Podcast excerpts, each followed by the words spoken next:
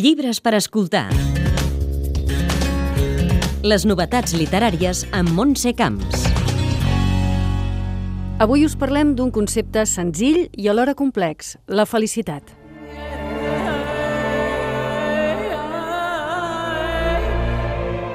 L'editorial Bebop ens fa viatjar a la Grècia de 300 anys abans de Crist i ens fa fixar en un dels grans filòsofs de l'antiguitat, Epicur. Plató, jo, eh, me l'imagino, és un tio que hosti, no, no me n'hauria fet amic. Eh? Un senyor que... Eh? En canvi, Epicur, hosti, unes abraçades... Eh...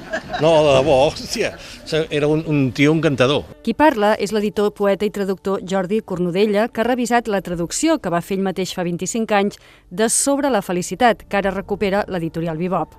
És un petit volum que ens planteja aquesta pregunta. És possible una vida feliç? Segons Epicur, sí que ho és, a condició que entenguem que la felicitat és el ple de viure sense dolor al cos ni a l'esperit, ens diu el llibre. L'obra recupera dos textos emblemàtics del filòsof, Carta Meneceu i les 40 màximes capitals. Allà parla de la felicitat i situa el ple en el centre de la seva filosofia.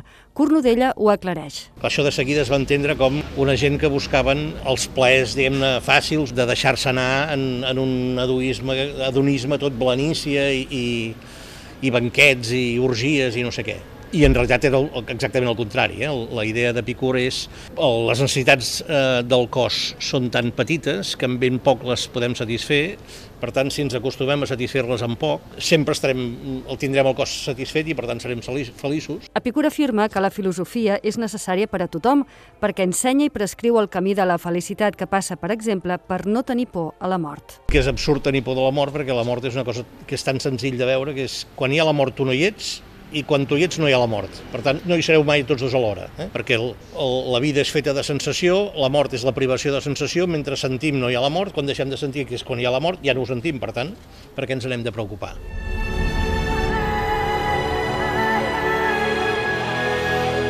La seva lliçó més important al final és pensa per tu mateix.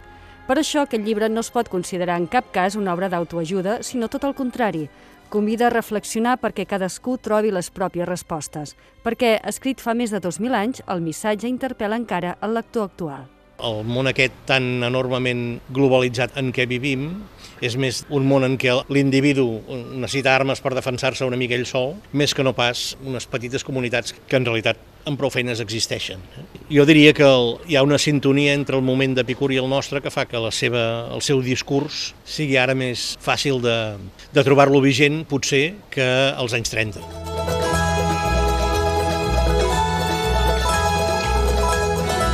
I buscant entre les novetats literàries també trobem un altre llibre que parla de felicitat. El títol és Planimetria d'una família feliç. L'autora és la italiana Lia Piano i ens explica la vida d'una família tan estranya com adorable, formada pels pares i tres fills que s'acaba d'instal·lar en una gran vila de Gènova situada dalt d'un turó. El publica l'editorial Empúries, que la contraportada ens parla d'un llibre que barreja memòria i invenció i que ens remet a obres com La meva família i altres animals de Gerald Darrell.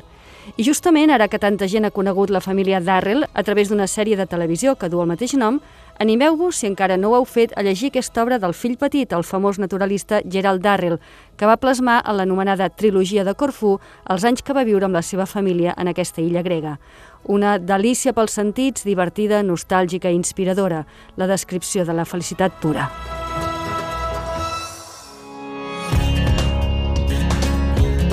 Llibres per escoltar les novetats literàries amb Montse Camps.